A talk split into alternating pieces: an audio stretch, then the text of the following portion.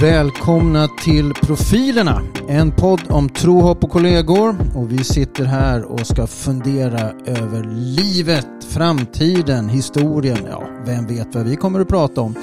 Jag själv heter Fredrik Bävhjelm och jag är präst och bredvid mig sitter Maja Malmström. Hallå, hallå. Som är kyrkomusiker. Och vi har Kristoffer Burman som är församlingspedagog. Hallå, hallå. Och så har vi Jonas Volin. Hallå. Och du är ju diakon. Jajamän. Underbart. Och vi då, vi försöker att spana och samtala och prata tillsammans. Hörni, hur mår ni? Bra, bra faktiskt. Jo, det är fint. Det är fint här också. Jag vet att en del har lite mycket att göra. Ja, det stämmer. Ja. Jag tänker jag kan inte börja beklaga mig här. Jo men det är underbart man får beklaga sig för då känner ju alla ljög lite. igen sig. Ge oss ett riktigt beklagande Maja, fram med det. Ja, men jag är lite för trött för att spela in detta idag. Alltså, så jag rä- räkna inte med något kul från det här hållet. Det kommer inga sådana one-liners som du annars är Nej, lite... Jag brukar ju vara väldigt rolig normalt sett, Ja. men just idag kanske Ja. inte blir det. Ja, jag tycker redan du är rolig så tack för det. Men du, då kan jag ju fråga dig, nu när liksom du är lite så här småtrött. Eh, vad tycker du ändå är det finaste med att du faktiskt jobbar i kyrkan? Är det budgeten du gör nu eller vad är det för någonting? Vad är det finaste med att jobba Ja, i men kyrkan? eh, det är nog det. Tack för att du påminner mig. Det ska vi in imorgon. Ja, den ska faktiskt vara inne Mm. imorgon. Eh, det är budgeten, det är det finaste med att jobba i kyrkan. Man får göra en budget. Ja, underbart, tack för det. Jonas, vad skulle du säga, den är lite knepigare. Om du blickar ut över ditt forna arbetsliv, du har varit på säkert flera ställen och sett andra arbetsplatser. Vad skulle du tänka, vad skiljer kyrkan mot andra arbetsplatser? Eller är det ingenting som skiljer? Mm. För mig skiljer det på det viset att eh, här jobbar jag med hjärtat. Alltså jag har ju haft andra jobb som också varit trevliga och, Mm. och sådär. Men det har det liksom varit, varit jobbjobb. Alltså för att jag måste ju ha ett jobb. Och jag måste tjäna pengar.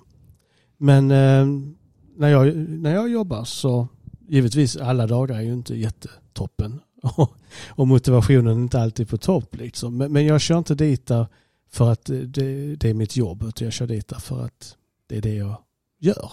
Ja, men det är spännande. Att Mm. jobba i kyrkan är ju lite mer av en livsstil emellanåt, även om det finns löner och budget. Och Vid kyrkan och kardiologen. kardiologen. Är det inte hjärtspecialist? Jo, jo. Jo men det är intressant att säga det för jag tror det är många som kan känna så som inte jobbar i kyrkan. Om man har hittat rätt. det tyckte du var kul. Nu, missar jag någonting jättestort. Nej, Nej men jag tänker på att det finns andra människor som, som jobbar med andra yrken som tycker att det är jättekul. Så det är ju inte någonting som är unikt för kyrkan. Men det, jag tror det är ett tecken på att man har hamnat på rätt plats i livet. Helt, rikt, riktigt. Och det var ju faktiskt hur du såg på det, Ja, inte hur precis. alla andra. Helt riktigt. Kristoffer, du har jobbat länge i Svenska kyrkan. Ja, eh, jag har, ja men det har jag gjort. Jag är snart 20 år. Snart 20 år. Mm. Om du blickar över 20 år, vad skulle du säga är den mest utmanande egentligen med att jobba i kyrkan? Oj, det var en svår fråga. Ja, men det är väl att man ehm, hela tiden måste liksom... ehm, eh, det är ju liksom det roliga också, men det svåraste är också att man hela tiden kommer inför nya utmaningar. Man möter nya människor i nya sammanhang där det också ska kännas att det ger att folk får växa. Liksom. Eh, och det, det, ibland kan det vara tufft, men också väldigt roligt. Mm.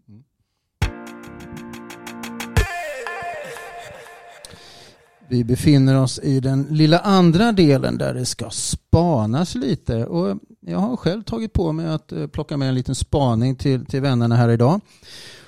Och den här spaningen den har sin historia i eh, en undersökning jag läste från Tekniska museet. Ni vet det här stora museet i Stockholm.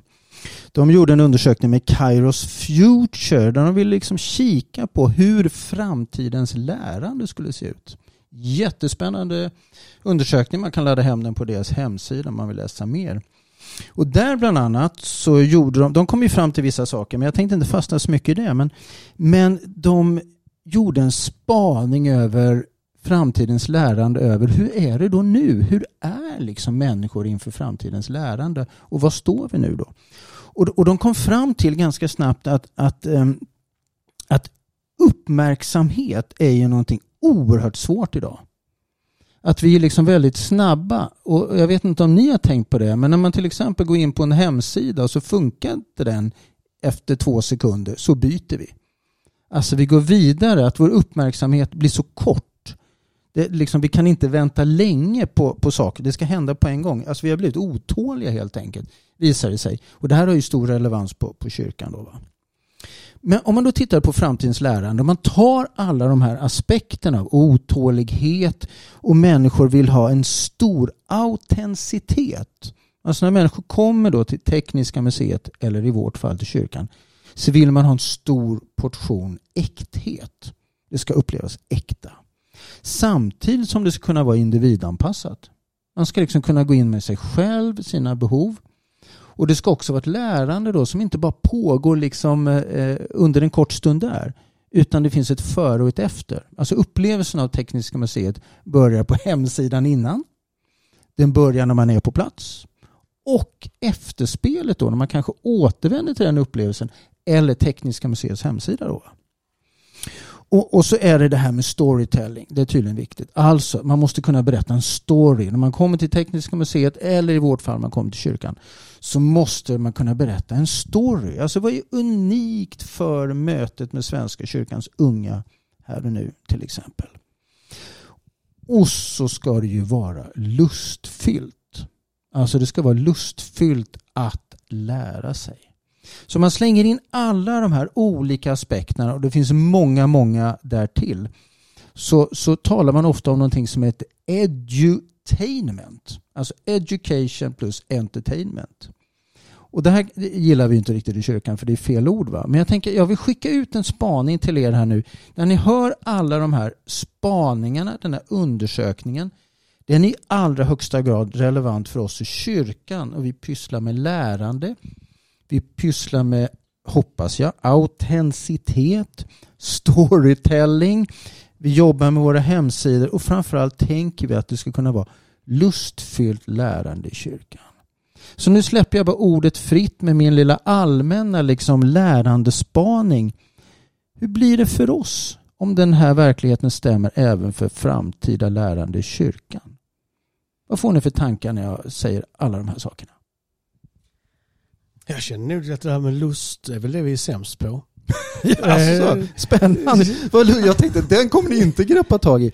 Jo, nej, Lusten. Men, men jag okay. tänker liksom det är ofta så här lite, eller folk har en bild av att det ska vara lite högtravande och lite allvarligt och man ska inte skratta för mycket och man ska inte, det här är allvar. Det är liksom Jesus stod för oss liksom. Du vet så här, ja. det är den biten. Och, och, det tycker jag är, är synd för att det du sa det här med, med eh, edutainment. edutainment ja. ja. Eh, det, är ju, det är ju när någonting är lustfyllt som man lär sig. Det, mm. det tycker jag, men om jag, om jag tvingas titta på en dokumentär och det är någonting som totalt är ointressant för mig så, så lär jag inte snappa upp mycket fakta. Men om det skulle visa sig att det är en dokumentär om någonting jag tycker är intressant så kan jag ju lära mig jättemycket som jag sen sitter på kaffet dagen efter hos kollegorna på jobbet och säga vet ni hur mycket en blåval kan simma på? Alltså sådär. Mm. för, för att jag tyckte det var fascinerande och då lär man sig, då går det in. Men är inte dynamiken mellan att det är lustfyllt och på riktigt att man lär sig någonting äkta. Mm. Att, att man verkligen hittar den balansen, att det är då det blir optimalt. För om allting, om man försöker göra allting lustigt så blir det ju lite pannkaka. Och om allting ska vara blodigt allvar så kanske man tappar fokus också och inte orkar. Så att, att försöka, det är väl det som är frågan, mm. och verkligen hitta den balansen mellan att göra det som är lite tungt, eh, spännande. Men är det inte att man blandar ihop dem? Alltså just det här med lustfyllt och lustigt. Att bara för att någonting är, är kul eller underhållande betyder inte att det inte har något, något djup eller någon mening. Det är sant. Mm. Det, det, det är intressant tycker jag just att man gör de kopplingarna. För egentligen borde det borde ju inte vara en naturlig koppling. Det borde ju, jag menar kul borde ju ha djup. Mm. Egentligen. Men jag tänker också att, att um, jag känner mig lite tvetydig i det här. Liksom, för jag tänker också, antingen så tänker man att man hänger på det och ser den samhällsutvecklingen, att det måste vara mer entertainment och hur ska man liksom fånga dem liksom där man säger att en sjuåring kan ha fokus på sju skärmar samtidigt. Som har kommit fram i ny forskning bland unga barn. och där hjärnan egentligen inte är utvecklad för att klara att få så mycket intryck hela tiden. Jag tänker att eh, ibland så kan det kanske vara bra också att Svenska kyrkan får vara lite en, eh, ett annat, en annan plats där entertainment blir att det blir upplevelsen, skapandet i det jag får göra, det som jag får känna på och det som jag får liksom, som inte är virtuellt, som inte är digitaliserat. Eh, så jag, jag, känner lite antingen så kan man, mm. man kan gå lite två vägar här, antingen jag, kan man liksom följa den, den, den, digitala entertainment, eller så är man en, en motkraft. Fast den behöver ju inte vara digital va? Det var Nej. egentligen inte det de kom fram till. Nej. Utan det de kom fram till är autenticiteten va? Okay. Och där tänker jag, jag är helt inne på ditt spår med. Att allt det här behöver ju inte betyda att kyrkan ska bli digital. Det tror jag inte man ska styra eller ställa det med. Kanske är det precis tvärtom, du kanske har helt rätt. Vi kanske ska bli, jag höll på att säga antidigitala. Det är ju intressant eftersom vi spelar in en podd just nu då, då men, men jag tänker att vi kanske, vad är det mest unika, autens, autentiska som vi har i kyrkan? Det är ju det det, det är det lustfyllda, det är upplevelsen som står i fokus men e-, egentligen så ska vi göra det vi är bäst på. Mm. Eller hur? Ja, om någonting görs på riktigt och på allvar, om, eh, om man sen sprider det till de man möter, då tänker jag då kommer det lustfyllda efterhand eftersom man är tillräckligt motiverad förhoppningsvis att mm. antingen lära sig någonting eller ta reda på något nytt. Och vi har ju väldigt mycket unikt i kyrkan. Och det är ju det vi måste värna tänker jag. För det är ju det enda vi har som är, mm. det, det, är ju, det är ju det som är vår grej så att säga. Va? Men om man, om man tänker tvärtom, att vi skulle bli entertainment, då skulle vi väl falla rätt fort, eller vad säger ni? Att vi bara blir, bara sätter jag med citattecken här, ja, underhållning det, det så att säga. Det inte funka. Nej. Eftersom tro är inte någonting man konsumerar, tro är någonting man gör tillsammans. Det är något man underhåller. Underhåller, ja. ja det, är bra. det blev lite under, ja. underfundig där. Ja. Mm -hmm. Nej men det är just att, att, vi gör det tillsammans. Eh, det, är någonting som händer eh, i den gemenskapen när vi ses. Eh, och, i dagens samhälle är det väldigt konsumtionsinriktat. Att jag ska, jag ska gå dit och säga, ja vad har ni att ge mig? Och så ska kanske jag konsumera det om ni är glada och tacksamma för det. Men, men vi, vi vill ju inte att folk ska komma och bli bli någonting, alltså underhållna eller sådär, utan det handlar ju om ett möte och, och att vi, vi träffas och tror tillsammans. Eller? Mm. Ja, ibland går det kanske att kombinera. Att man, att man underhåller för att man vill komma till en gemenskap där man ska kunna eh, liksom komma vidare i någonting. Alltså, gå, ja, men, ehm, går jag på en konsert i kyrkan så, jag, så kan jag ibland vara lite där för att konsumera konserten. Men jag är ju med i kyrkans sammanhang och både som anställd och som deltagare, eller vad man ska kalla det, eh, för att jag vill något annat. Så att säga. Så att, eh, I vissa saker kan det ju vara autentiskt, men jag är ändå någon som, som faktiskt liksom för egen del lite egoistiskt konsumera någonting. Till exempel en konsert. Ja. Sen är det klart att du har en grundrelation då till både rummet, till orden och, och till budskapet. Så att det kanske inte blir konsumtion nej, för dig nej, ur den, nej, ur den lite negativa synvinkeln. Ja. Men, men Maja, jag tänker kyrkomusik. Jag menar, ni har ju mycket konserter. Vad skulle du säga, en, en konsert som du spelar på eller, eller anordnar, är det skillnad tror du på upplevelsen för den som kommer dit än om man går till konserthuset och upplever vad det nu kan vara för någonting? Alltså bär vi någonting annorlunda tycker du eller tänker? Ja absolut.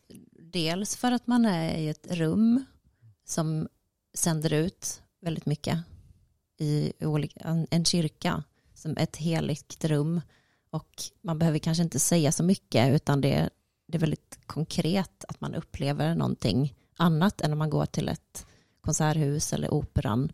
Så redan där finns det ju ytterligare en dimension i det hela skulle jag säga. Eh, sen så kan man ju blanda eh, och sätta allting i kontrast mot det som kanske inte förväntas i ett visst rum. Det kan vara spännande till exempel.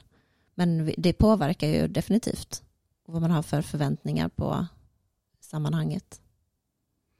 Det är spännande vad rum gör med oss. Jag tänker hur, hur många konserter man har varit på där rummet faktiskt påverkar. En arenaspelning jämfört med en, en klubbspelning, en klubbspelning jämfört med en, nu kallar jag det inte spelning, men en konsert i kyrkan till exempel. Eller ens barn framför på en skolavslutning. Alltså det är otroligt vad miljön då påverkar. Och som du säger, är man i en kyrka, rummet är ju väldigt tydligt vad det handlar om. Ja, det är väldigt stor, jag tycker det är stor skillnad att höra Mozarts Requiem på Konserthuset eller om man faktiskt är i en kyrka. Det är ju exakt samma verk, mm. men det gör någonting mer. Skulle du säga att rummets upplevelse blir viktigare, eh, låt säga att stat, eh, jag höll på att säga statistiken, men eh, akustiken. jag ber om ursäkt kära lyssnare. Om akustiken i konserthuset hade varit bättre för Mozart, men rummet eh, i kyrkan hade varit bättre för upplevelsen. Vad hade man valt? Akust bättre ljud eller bättre eh, totalupplevelse? Förstår du vad jag menar då? Om det går att sätta dem som två motpoler.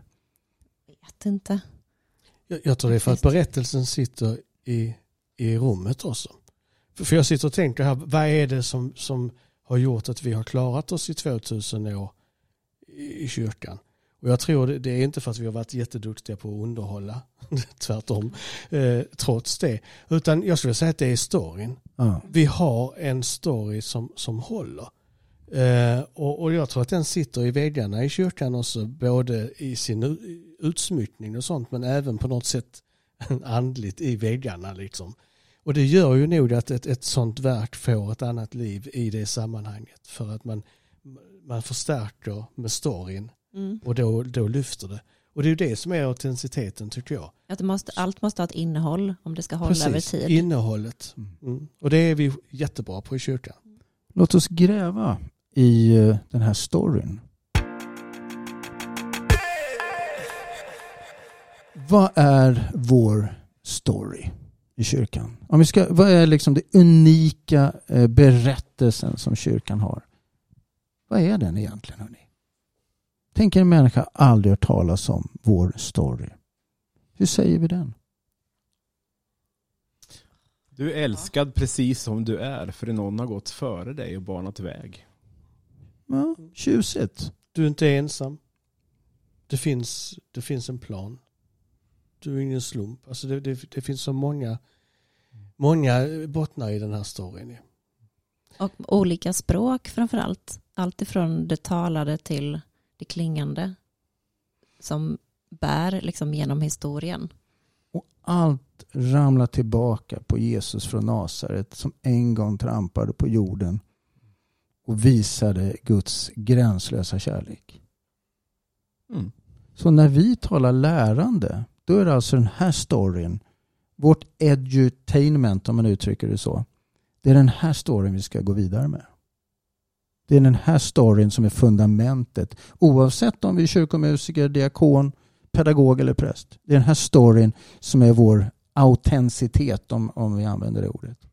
Och sen hur vi än förpackar det är liksom sekundärt. Precis. Eh, och det är vår styrka. Att vi kan till och med packa det lite dåligt och ändå kan storyn Eller hur? visa igenom. Till och med kan ett, ett fult inslaget paket bli vackrare än det mest storslagna, tjusiga inslagna paket som doftar. Och just som för att det är mest pengar. Som kostar mest pengar, ja, för att det är äkta.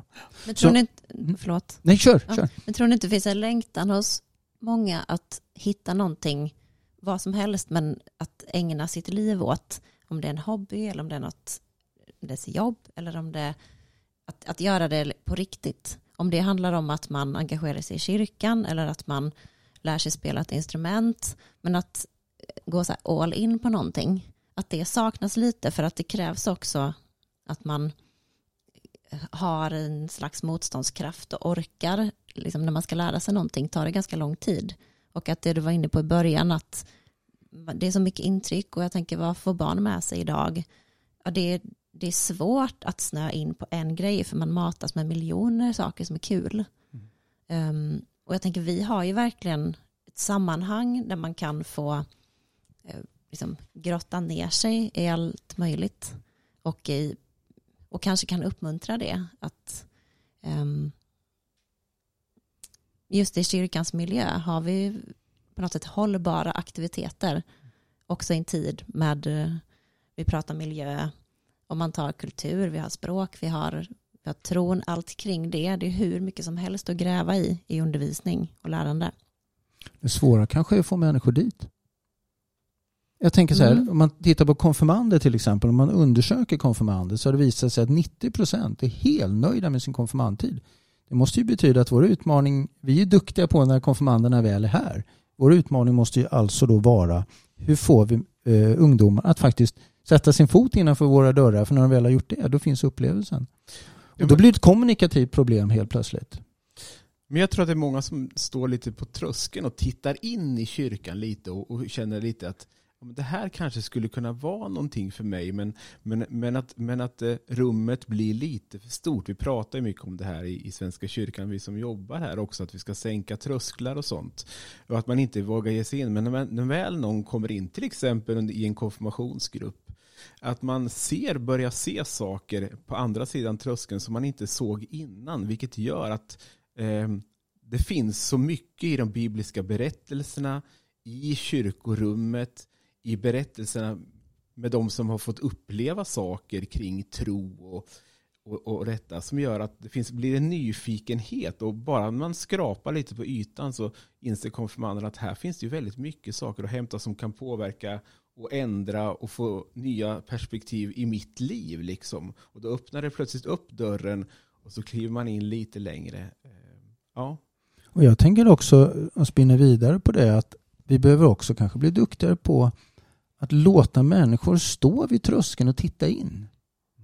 Att liksom låta, låta människor kika in och observera och titta. All, liksom alla måste inte springa in och kastas in utan låta människor ha sin tid och, och, och tänka att det är lika viktigt för de som står utanför tröskeln som de som är innanför. Alltså att man förstår vad nu innanför är. Det blir en jobbig bild helt plötsligt. Va? Men det här att, att, att förstå att kyrkan är faktiskt för alla. Att det är en plats som är tänkt att människor ska kunna vistas sig som de är och där de är i livet. Och där kan man ju se lite kring de bibliska texterna också som, de, som tror jag många, framförallt ungdomar under konfirmationstiden ser att det här har att göra med mitt liv och de kan också se för att de också kan göra en tydlig koppling till litteratur som de har läst som inte har med kyrkan att göra. Där det, där det goda och onda och, och eh, eh många olika perspektiv kan lyftas in. Liksom. De ser att det finns det som de redan har läst, finns i de bibliska berättelserna. Och på något sätt att det, att det de bibliska berättelserna på något sätt var något ursprung i detta. Och det skapar också en nyfikenhet kring vad kan de här berättelserna ge mig ännu mer? Vem var den här Jesus? Vem var de här personerna, de här bibliska personerna? Eh, kanske har de en koppling in via något annat, eh, någon trilogi eller de har det genom, inte vet jag, Harry Potter eller, eller något annat som på något sätt har fört dem in. Så ser de att det finns ett sammanhang och sen så ser de att ja, men det här har ju också med tro att göra och så, så kopplar man det till de bibliska berättelserna. Och där att det, det öppnar sig liksom portar efterhand också, där man ser nya, nya saker som man inte har sett innan. Ja. Så, så tror jag vi borde bli duktiga på att komma till poängen. Eh, alltså att, ehm, jag menar om man tittar på, eh, vet du det, jag kan ju inte vad det heter ens, eh, man sitter och tittar på Snapchat och allt vad det nu är. Ehm, åh vad jag lät gammal nu. liksom.